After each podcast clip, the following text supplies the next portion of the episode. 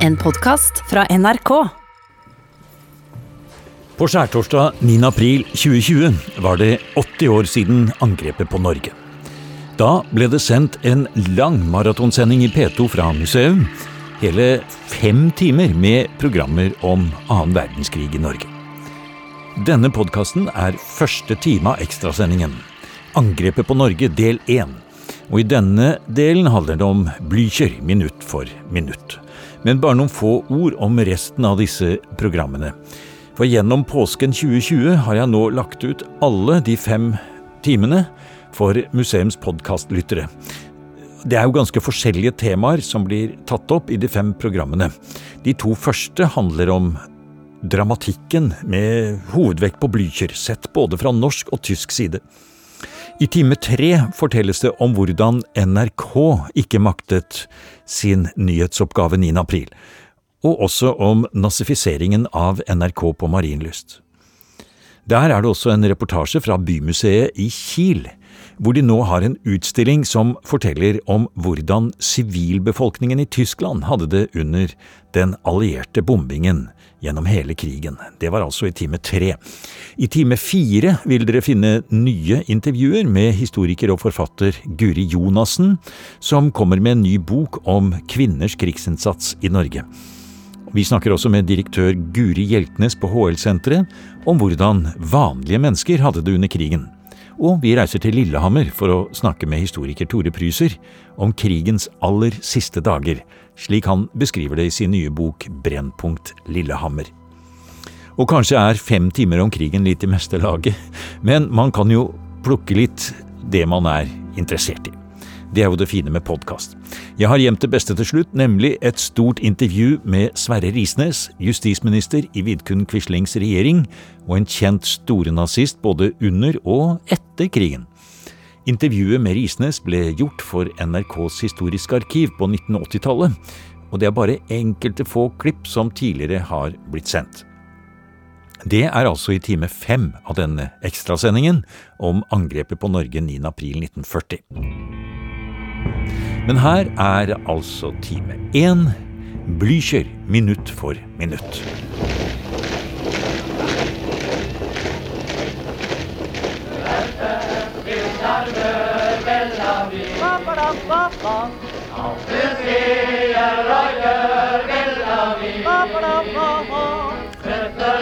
Det er ikke til å tro, men om kvelden den 8. april 1940 var det kveldsunderholdning i NRK Radio med sang og musikk fra norske soldater som tjenestegjorde i nøytralitetsvernet på Odderøya festning utenfor Kristiansand.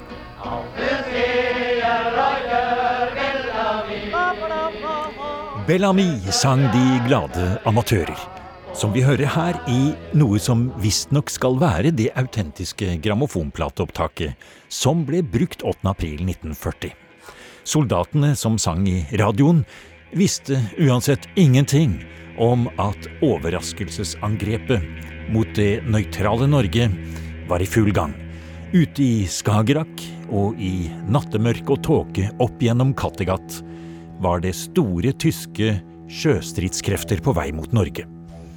Havnene i Moss, Oslo, Horten, Arendal, Kristiansand, Egersund, Stavanger, Bergen, Trondheim og Narvik skulle besettes med marinesoldater. Og sjøflyplassene ved Fornebu i Oslo og Sola i Stavanger skulle tas fra luften. NRK holdt til i enkle lokaler i sentrum av Oslo.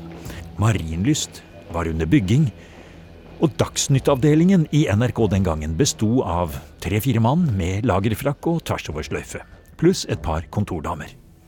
Oslo ved slutten av nyhetene har vi en melding fra Admiralstaben. Nyhetene i kveld alt vesentlig fra Norsk Telegrambyrå. Videre offentliggjøres forbudt. Det bekreftes i kveld i en Stockholm-melding at betydelige tyske sjøstridskrefter i morges er gått nordover gjennom Storebelt. Antall av orlogsfartøy oppgis til om lag 50.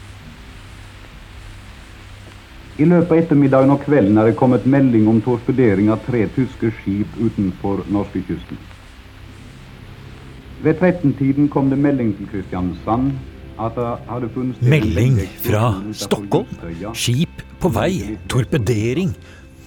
Dette var måten Olaf Rytter i Dagsnytt avsluttet den ordinære sendingen klokken 22 om kvelden 8. april.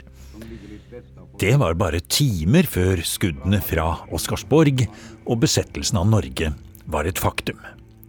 Hva som skjedde etter hvert på den kveldsvakten i Dagsnytt, og hvordan NRK rett og slett sviktet helt, skal vi komme tilbake til i denne sendingen fra Museum i P2, som skal vare helt fram til klokken ett i formiddag. Sie hatte Oskarsborg passiert. Und dann kam rasch die Meldung zur Brücke. Feuer im Schiff. Ach, sagt er, das war doch kein Torpedotreffer. Idet den passerte batteriet, så kan vi gjerne si at Blücher var en eneste brennende fakkel.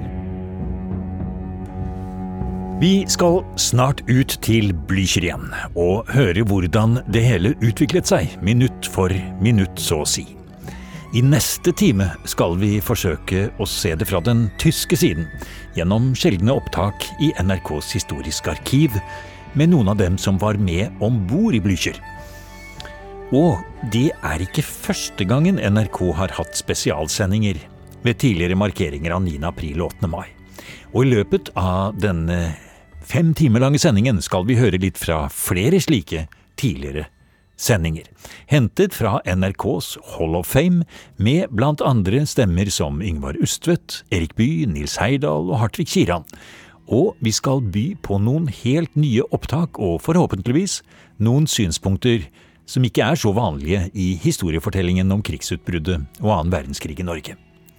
Som kom som en stor overraskelse på de aller fleste. Og apropos overrasket, her kommer et virkelig interessant klipp. Stemmen vi straks skal høre, tilhører den da 85 år gamle Sverre Risnes. Beryktet justisminister i Vidkun Quislings regjering, en av de virkelige store nazistene under krigen. Det er motstandsmannen og tidligere Dagsnytt-sjef Per Bøhn som intervjuet ham i Wien i september 1982. Sverre Risnes røyker pipe, snakker vennlig og tenker tilbake på krigsutbruddet 9. april. Da ble han så overrasket og skuffet, og syntes det var så forferdelig at tyskerne slapp så lett til, at han ville melde seg for de norske styrkene og kjempe mot overfallet. Og jeg trodde, så dårlig fulgte jeg med, jeg trodde det at vi hadde nøytralitetsvernet vårt i orden. Ja, det trodde jeg. Så naiv var jeg, kan man si. Jeg trodde det var som under forrige verdenskrig. Ja. Da var det jo i orden. Så det ble jo en, en voldsom skuffelse da. eh, Da eh, det dykte så lett for tyskerne eh, å, å komme. Det ble jo så å si ingen motstand før de sto i Oslo. Bortsett fra Oscarsborg, altså. Skal vi begynne på min, min, hvordan jeg kom inn i partiet? Ja. så øh, ble jeg like overrasket som dere da tyskerne kom. Og, øh, og jeg syntes det var øh, forferdelig på en måte. Jeg forsøkte også og tenkte på både å og, dra til øh, fronten her i Nordmarka, men det var jo Men øh, jeg, jeg dro av sted, men så var det tyske vakter der oppe. Jeg bodde ved Ullern. Og, og så at det var tyske vakter som jeg eh, ikke syntes som jeg ikke syntes jeg kunne komme forbi.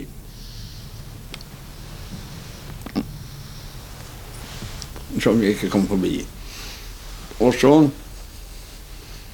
Det var bak Vi jeg bodde, Det var bak Ullern. Ullandknollen, eller sant, den haugen der.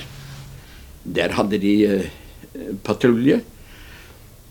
Jeg forsøkte en, en, en, en, natt, kan man si, å komme i, igjennom der. Men så hørte jeg de altså, at det var tyskere der. Ja, nok av det at uh, jeg gikk uh, på kontoret neste morgen. Og da var jeg, jeg alene på kontoret. Ja, sånn fortsetter ultranasjonalisten Sverre Risnes sin fortelling i flere timer. Og dette intervjuet har aldri blitt sendt tidligere. Innholdet er for så vidt kjent gjennom historiker Nils Johan Ringdals bok Gal mann til rett tid, som til en viss grad baserer seg på at Ringdal fikk adgang til disse opptakene. Men etter det har de ligget klausulert og temmelig urørt i NRKs historiske arkiv i 38 år. Men mellom klokken 12 og klokken 13 i dag tar vi den frem, og da sender vi for første gang et lengre utdrag i denne spesialsendingen fra museum i P2, som markerer at det i år er 80 år siden 9. april 1940.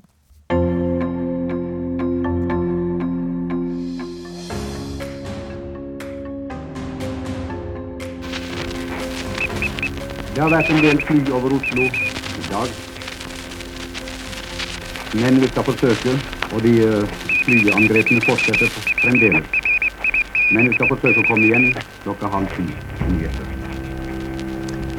Vi skal forsøke å komme igjen klokka halv ti med flere nyheter, hørte vi Hartvig Kiran si her, i en svært improvisert ekstra Dagsnytt-sending 9.4.1940, hvor Hallomannen, som bare hadde kommet innom for å se om det var noe han kunne gjøre, ble kastet rett inn i det.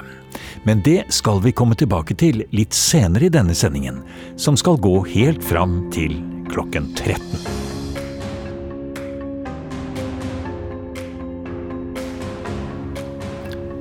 Hvis vi nå tenker oss at klokka drar seg mot kvart over åtte på 9. april 1940, er det fortsatt mye som er helt uvisst om hva som har skjedd ute i Drøbaksundet. Flere av de store og små skipene som fulgte med Operasjon Weser-Ybung, har nå kommet fram til sine mål, enten de er å ilandsette tropper i Oslo, i Moss, i Horten, Kristiansand, Bergen og Stavanger, eller andre store og små havner som flåtestyrken hadde ordre om å besette.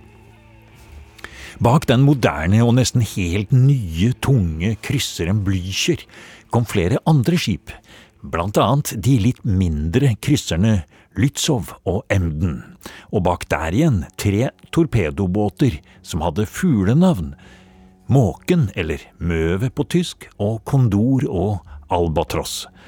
Den siste fuglen skal vi snart høre mer om, for den ligger fortsatt på bunnen ute i skjærgården ved Søsterøyene på Hvaler.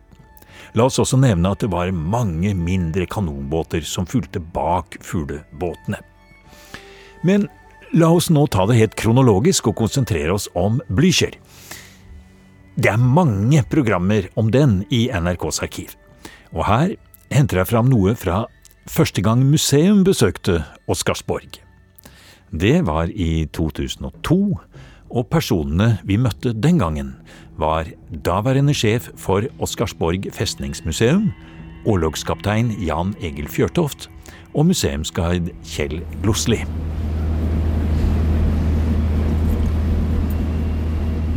Vi er om bord i den militære fergen som går fra Drøbak og over til Oscarsborg festning. Vi lar tankene gå til et annet skip.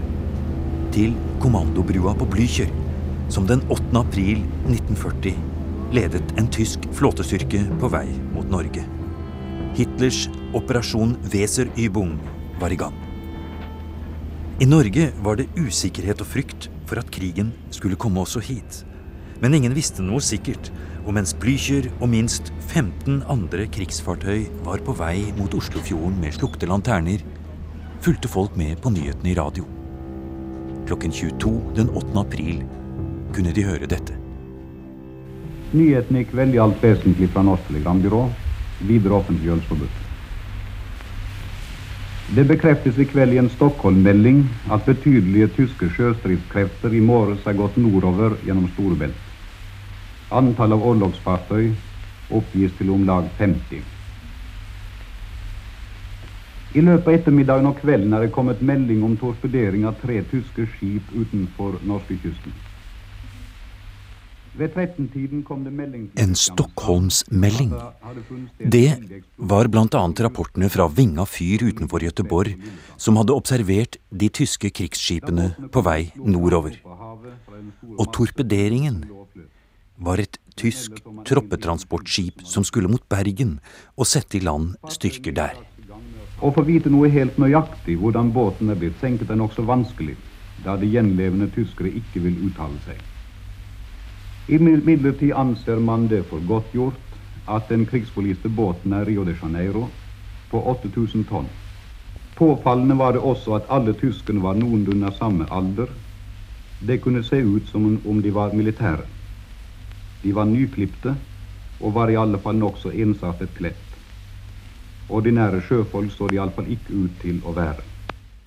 Men alarmen i Norge går ikke. Bortsett fra at alle fyr rutinemessig er slukket, skjer det ingenting. Tiden er knapp, og like etter denne dagsnyttmeldingen klokken 22 den 8. april forsøker et lite norsk grensevaktskip ved Torbjørnskjær å signalisere til den mørklagte Blücher. Svaret er at en av de mindre båtene i konvoien, Albatross, angriper Pol 3 for å hindre at kapteinen får gitt melding over radiosambandet. Kaptein Leif Velding Olsen får gitt sin melding, men blir drept av den tyske maskingeværilden. Og mens Albatross tar resten av mannskapet til fange, har de øvrige tyske skipene fortsatt for sakte maskin innover i nattetåken i Oslofjorden.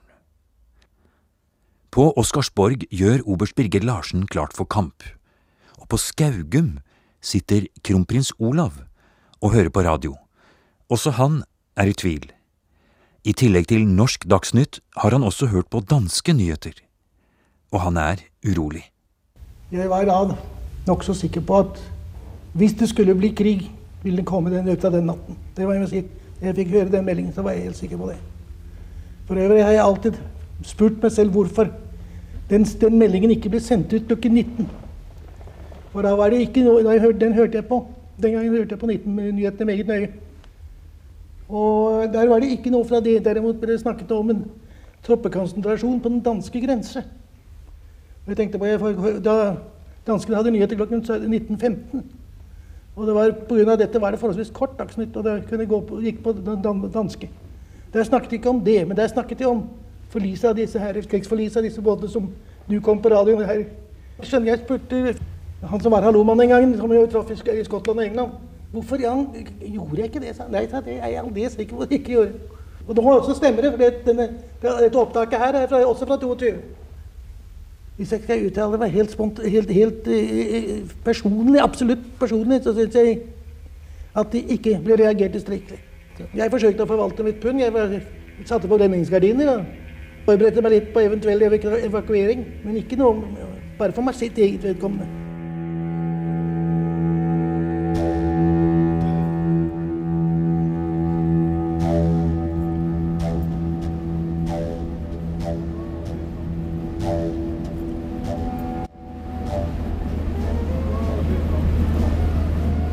Og mens de fiendtlige skipene nærmer seg og kronprins Olav så smått pakker på Skaugum, har oberst Birger Eriksen på Oscarsborg ladet kanonene.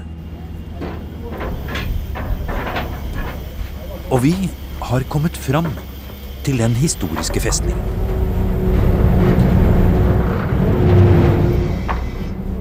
Nå vil vi til stedet der Norge gikk inn i den allierte krigshistorien.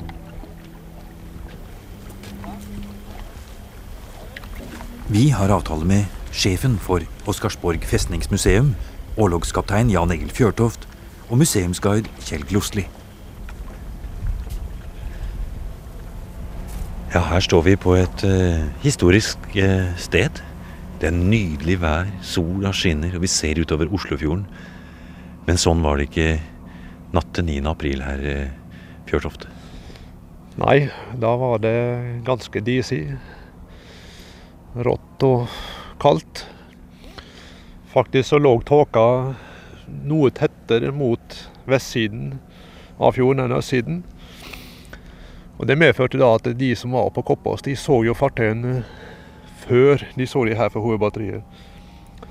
Og i og med at de da ventet på at hovedbatteriet skulle åpne ild, så spredde jo seg en smule bekymring i Koppås-batteriet over hva er det de venter på nå. Og først av eh, skipene Glåsli så går Blykjør. Men bak Blykjør så kommer eh, både Emden og Lützow. Men det er flere fartøyer med. Ja, vi har båtene Møve, Kondor, Albatross, som jo er torpedojagere.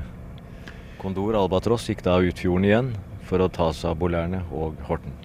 Men hvis vi nå går eh, tilbake litt til eh, i noen timer før det smeller her fra Oscarsborg festning, hvor vi står nå omtrent oppå kanonene som skyter Hvis vi går litt tilbake i tid, i den eh, natt til 9. april, mm. så kommer altså båtene inn, og de går med slukte lanterner.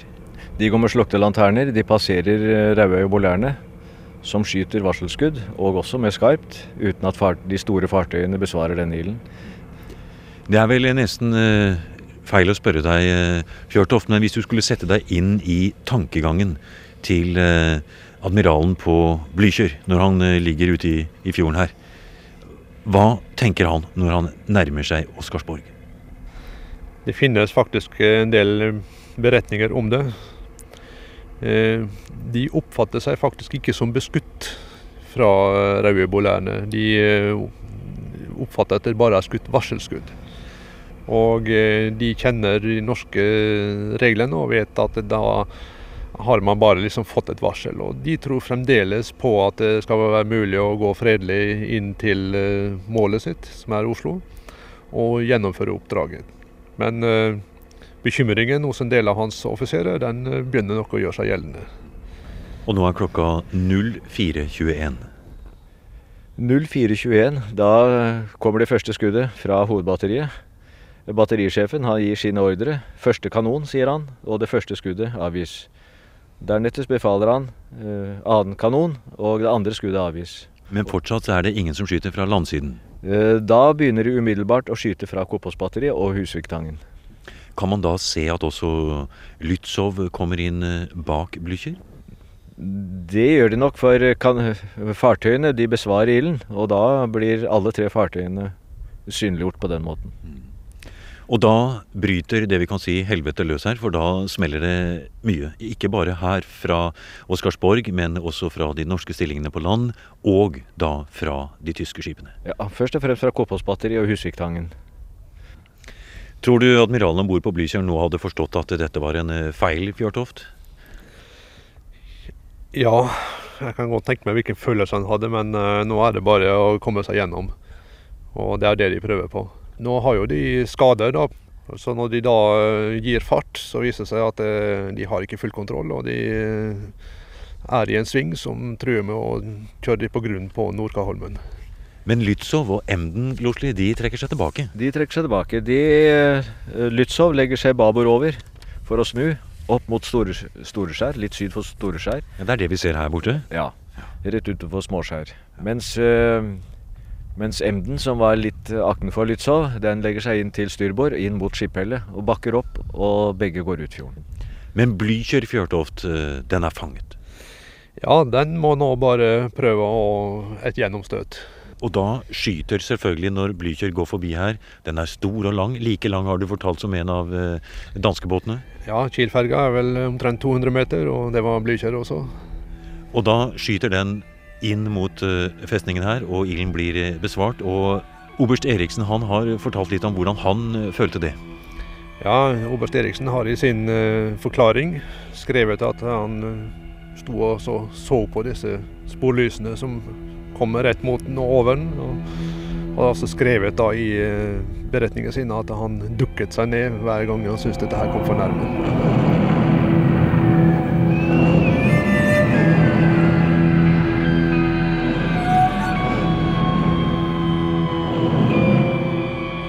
Det må ha vært et eh, ganske kraftig bombardement her, da? Det var det. Sporlys uh, gikk med et lysende teppe over borgen.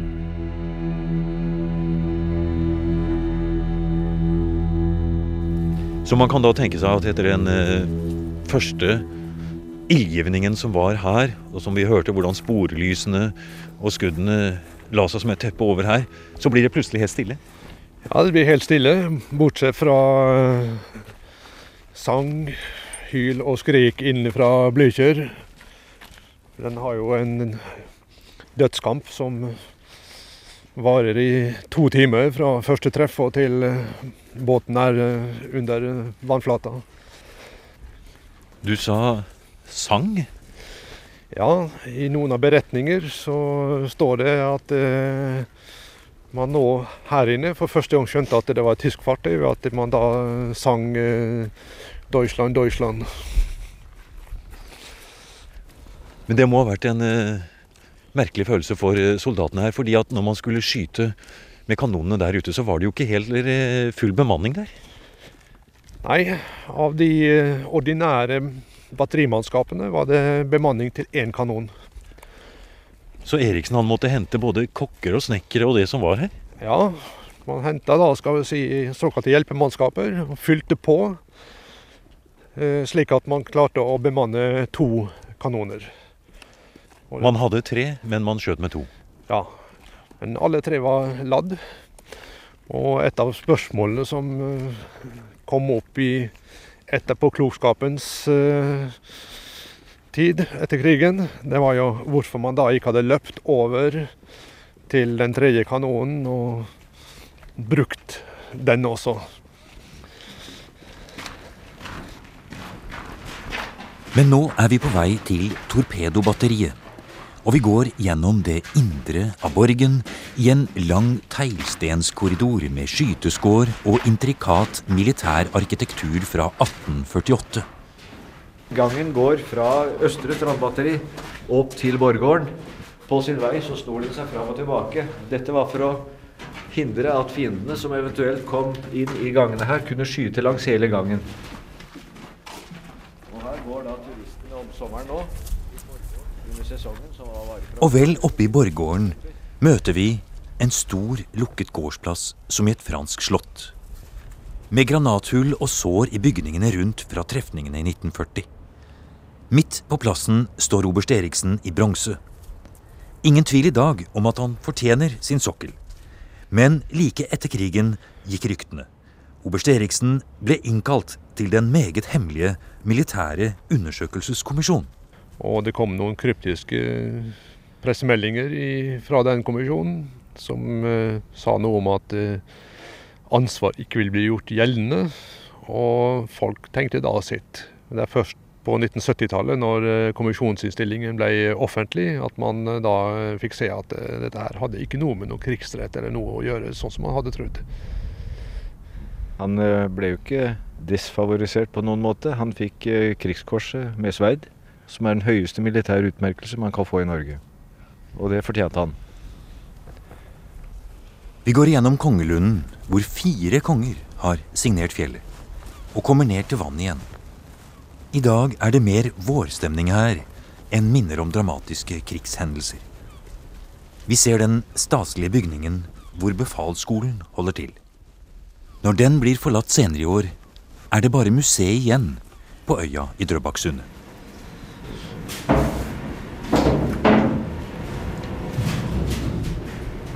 I fjor ble også torpedobatteriet åpnet for publikum.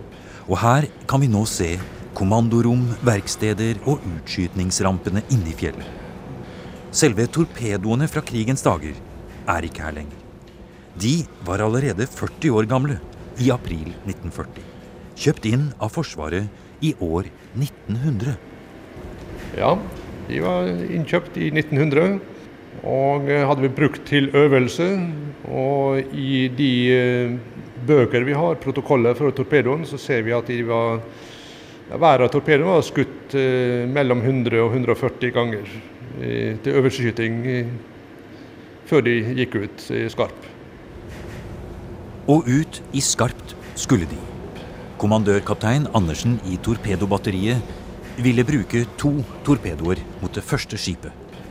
Han siktet midtskips, Men opplysningen om Blüchers fart var feil, og selv om Torpedo 1 traff målet, måtte han i all hast justere siktet før neste avfyring. Det smalt skudd i eh, fjellet rett under sikteåpningene, og han eh, forventet at han ikke kunne klare å gjennomføre oppdraget.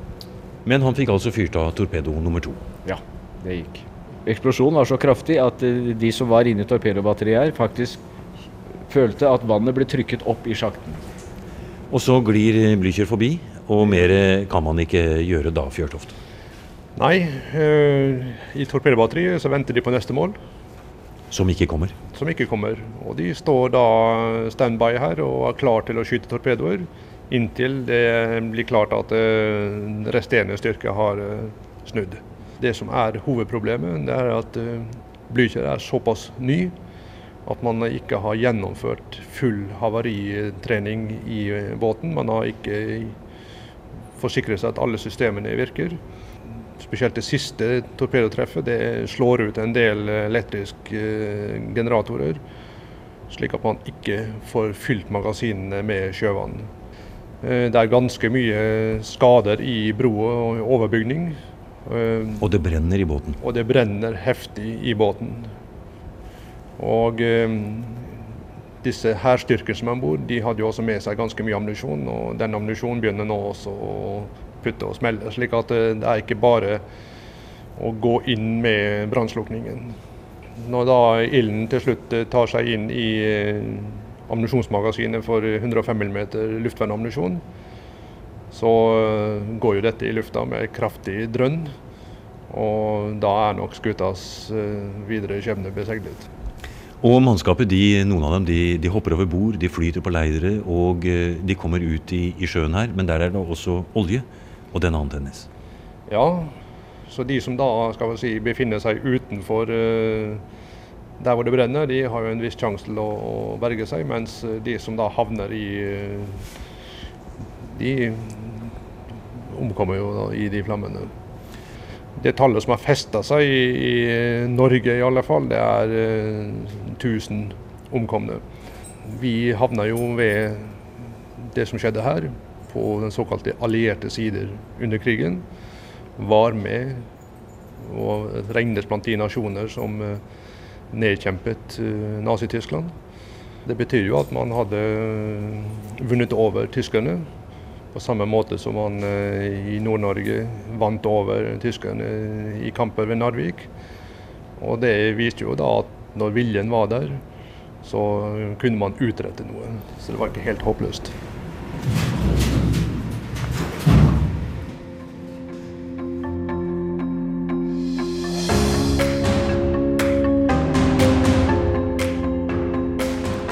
Du hører nå på en ekstrautgave av programmet Museum, laget spesielt for denne dagen, 9. april 2020, som en markering av at det i år er 80 år siden angrepet på Norge, den 9. april 1940. Reportasjen vi nettopp hørte fra Oscarsborg, ble sendt første gang i museum i 2002. Vi hørte daværende museumsguide Kjell Glosli og museumssjef, årlogskaptein Jan Egil Fjørtoft. Du kan si at uh, i norsk historie er det jo ingenting som kommer opp mot den utfattelige enkelthendelsen at en person går inn og i studio, da, og, og ignorerer alle vakter og blir booket inn i studio og erklærer seg som statsminister. Og ikke bare han, Quisling, var statsminister, men han erklærte jo også at regjeringen Nygaardsvold var jo flyktet fra byen, så den var avsatt. Den hadde avsatt seg selv. Det historiker Hans Fredrik Dahl sikter til her, er selvsagt hvordan Vidkun Quisling brukte NRK i sitt forsøk på å gjøre statskupp. Det er en av de tingene vi skal komme tilbake til litt senere i denne fem timer lange ekstrasendingen. Da skal vi møte Hans Fredrik Dahl igjen, og blant annet høre mer om hvordan NRK sviktet på så mange måter under annen verdenskrig.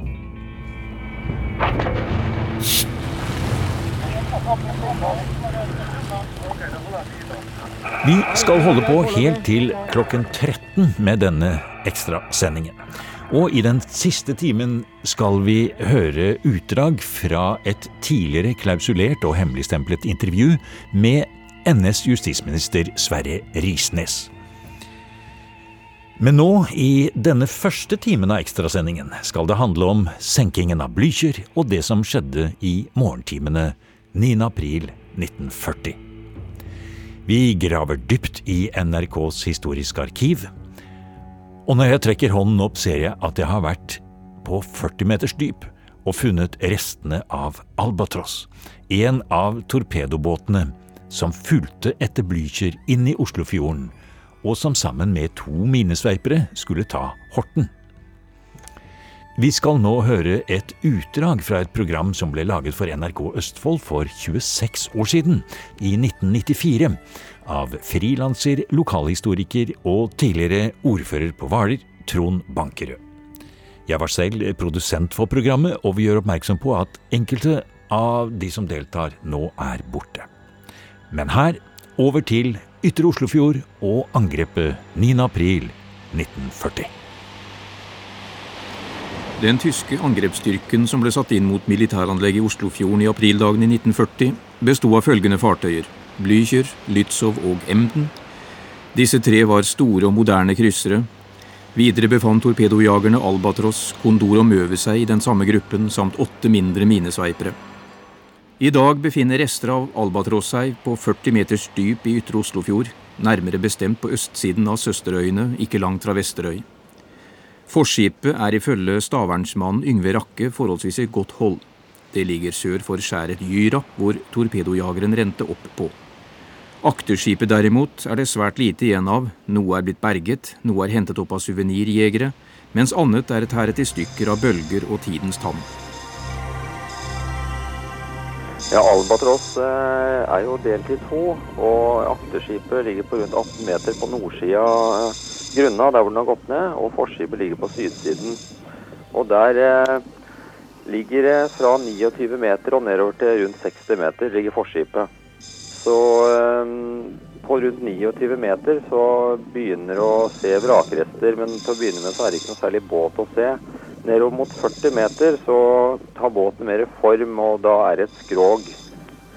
Og jeg har ikke vært dypere enn ca. 40-45 meter, og da fortsetter vraket nedover og er ganske helt og fint. Eh, jeg vil anslå at baugen slutta på rundt 60 meter, men det har jeg som sagt ikke vært. Den knakk jo i to, og jeg tror den knakk omtrent midtskips, så eh, det kan vel være en 30, eh, 30 meter, kanskje 20 meter.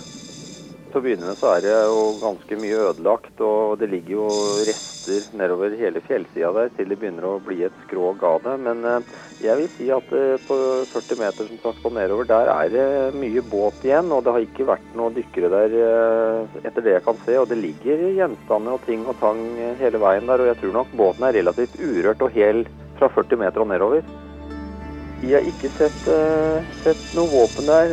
Det har jo også vært berging der uh, umiddelbart etter at båten gikk på. Og da vil jeg tro at sånne verdifulle ting i krigsøyemed ble tatt av båten veldig fort. Så det tror ikke jeg sto på vraket egentlig når den sank i det hele tatt.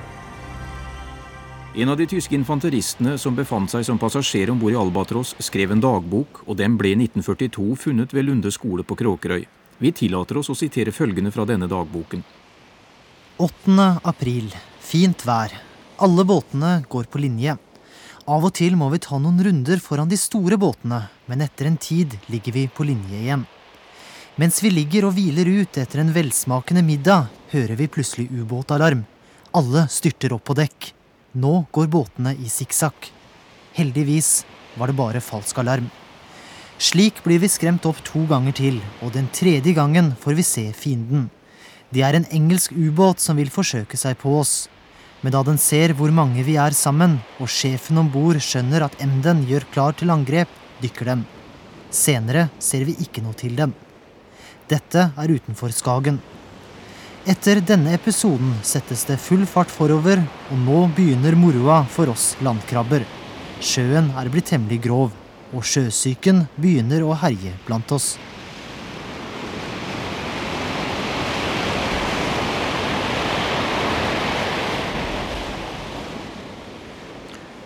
Her forlater vi krigsdagboka til den stakkars sjøsyke infanteristen og forflytter oss noen timer framover.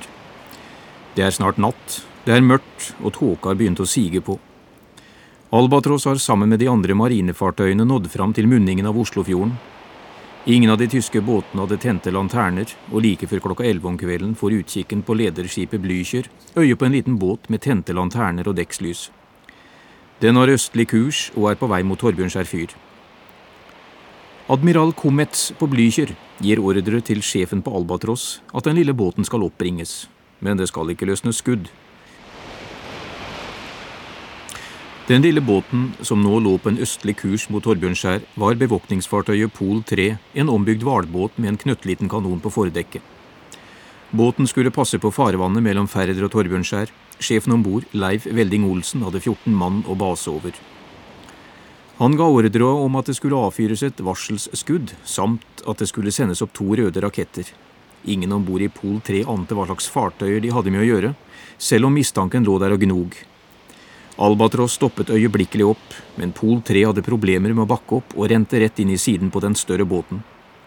Resultatet ble at nordmannen fikk et hull i skroget, og to av de norske marinesoldatene hoppet resolutt om bord på tyskeren. De var redde for at deres egen båt skulle synke under bena deres. Nå tentes det en lyskaster på Albatross, og den norske bevåkningsbåten gikk opp på siden av tyskeren. Begge skipssjefene hadde en kort samtale med hverandre, og den tyske kapteinen forlangte at Pol 3 skulle overgi seg. Den norske sjefen Leif Velding Olsen svarte et klart og utvetydig nei på henvendelsen, og begge båtene gled fra hverandre. Slik lyder en rapport fra en av dem som var med Pol 3.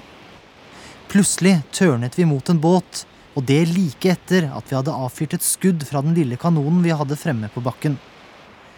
Øyeblikkelig rettet den lyskasteren mot oss, slik at vi ble ganske blendet.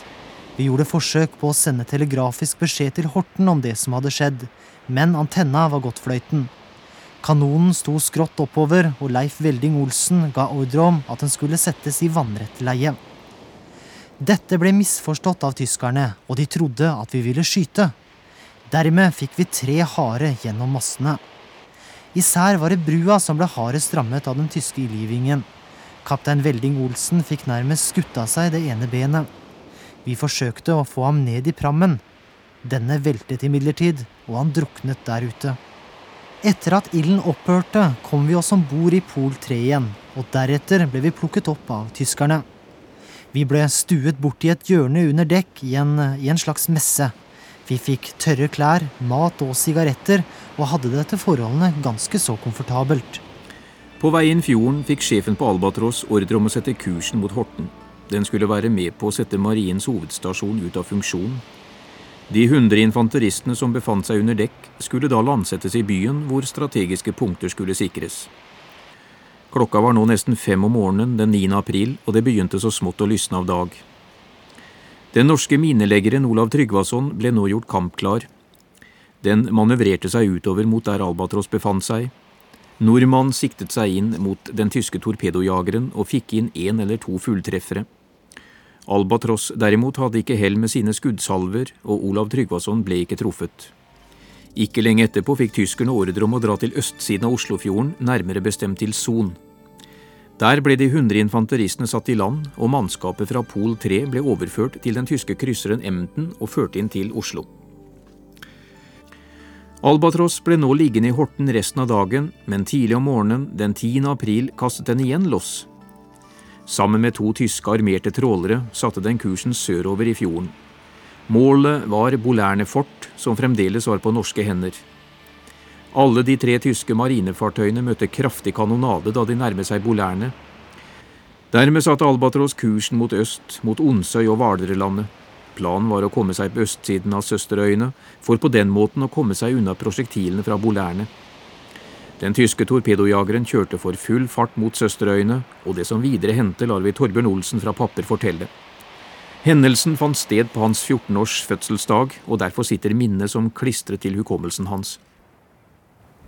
Ja, jeg kan ikke, akkurat, kan ikke huske akkurat hvorfor vi gikk hit opp. Dagen før spesielt hadde jo vært mye flytrafikk over, som subba nordover.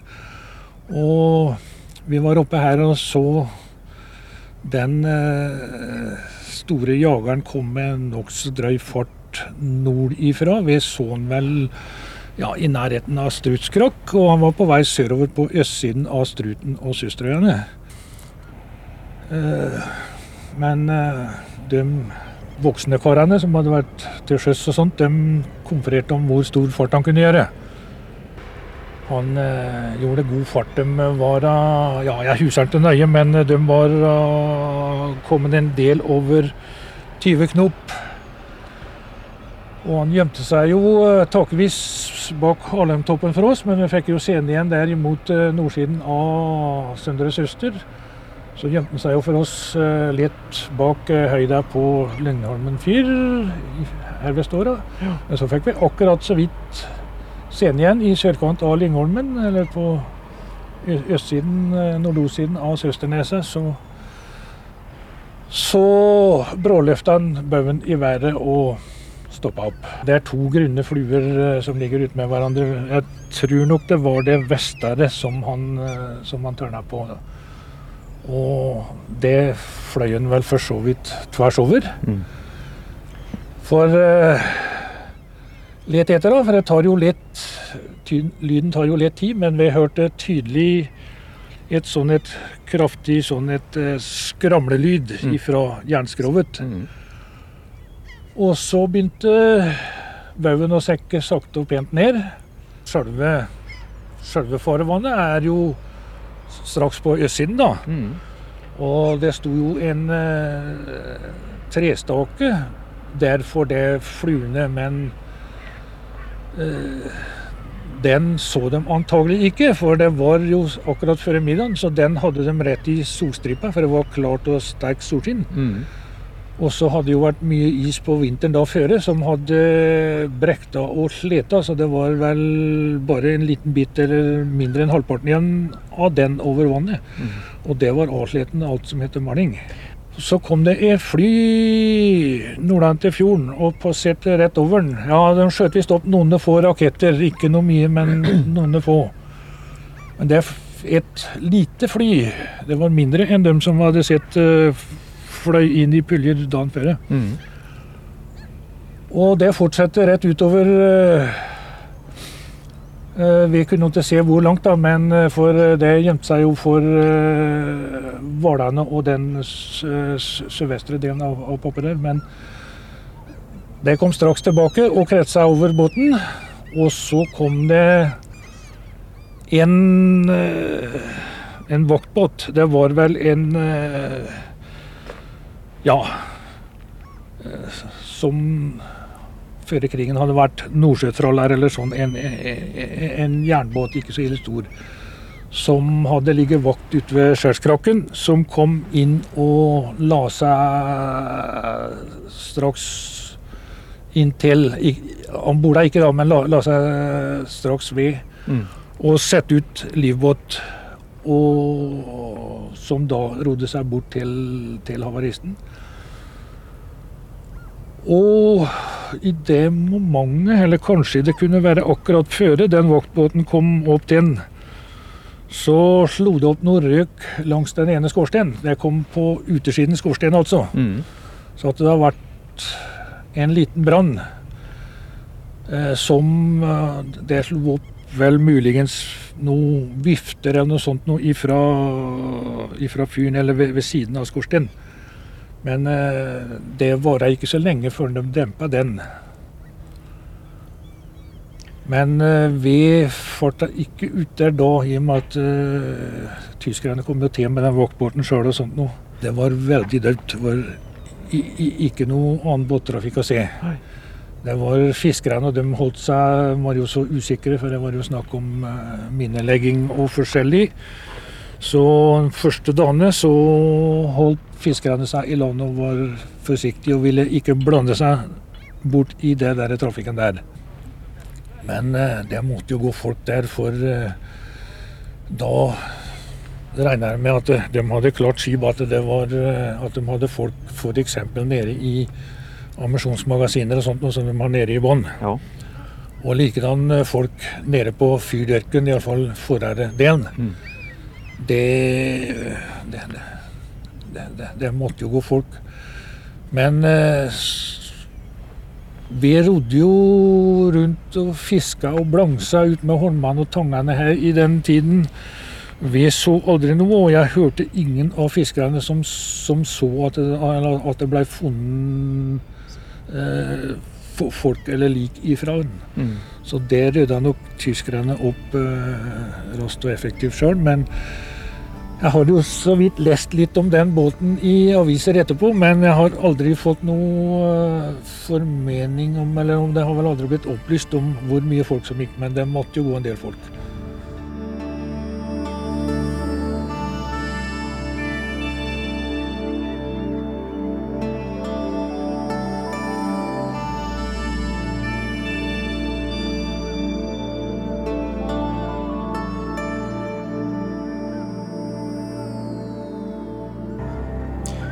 Men det var ikke bare Torbjørn Olsen som var øyenvitne til denne tildragelsen.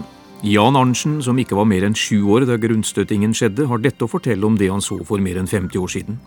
Den 10. april så tok min far med oss tre sønnene, eh, og jeg tror også mor var med, eh, bort på Papperfjella for å se på krigen, nærmest. Vi visste jo ikke egentlig hvor farlig sånt kunne være. Og mens vi sto der borte sammen med noen fiskere, så det var ikke så mye liv å se ut på fjorden. Det var vel helt tomt for båter, eh, så vidt jeg husker.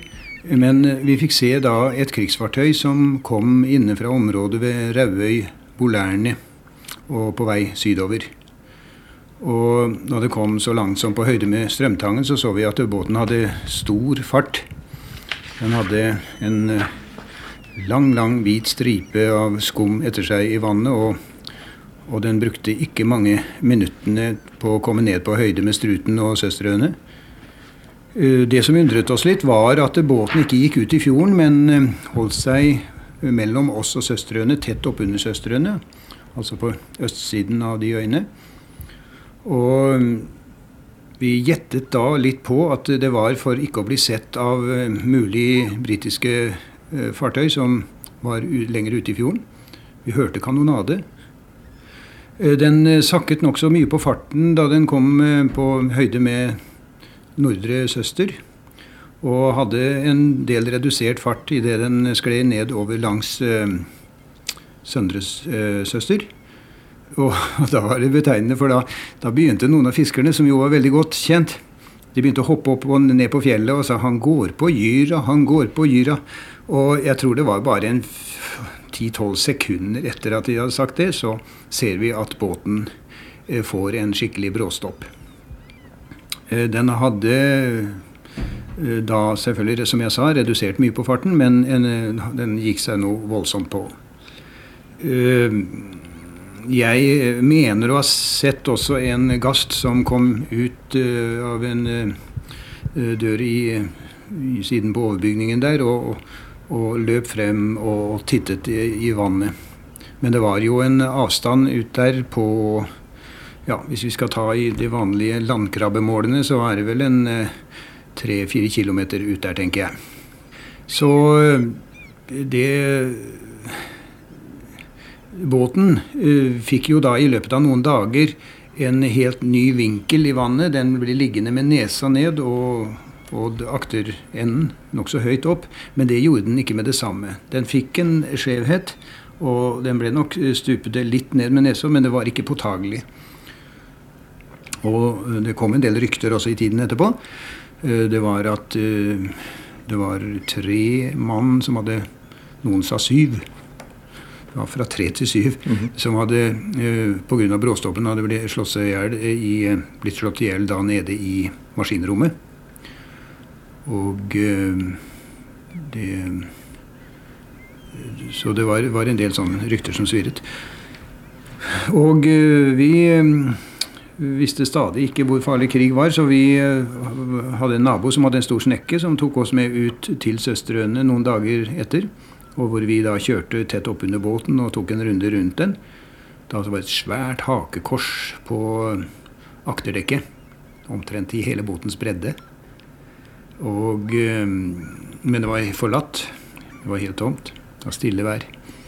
Men eh, vi hadde ikke gjort mer enn runde nummer to med båten da det kom et fly oss inne fra da fra Råde-Rygge-området. Og, og, da var det tydelig at det hadde peiling rett på oss, så vi satte full fart på og, og kom oss innover mot Vesterøyen. Og den kretset da en to-tre ganger rundt båten og forsvant igjen, det flyet da. Så de passet på.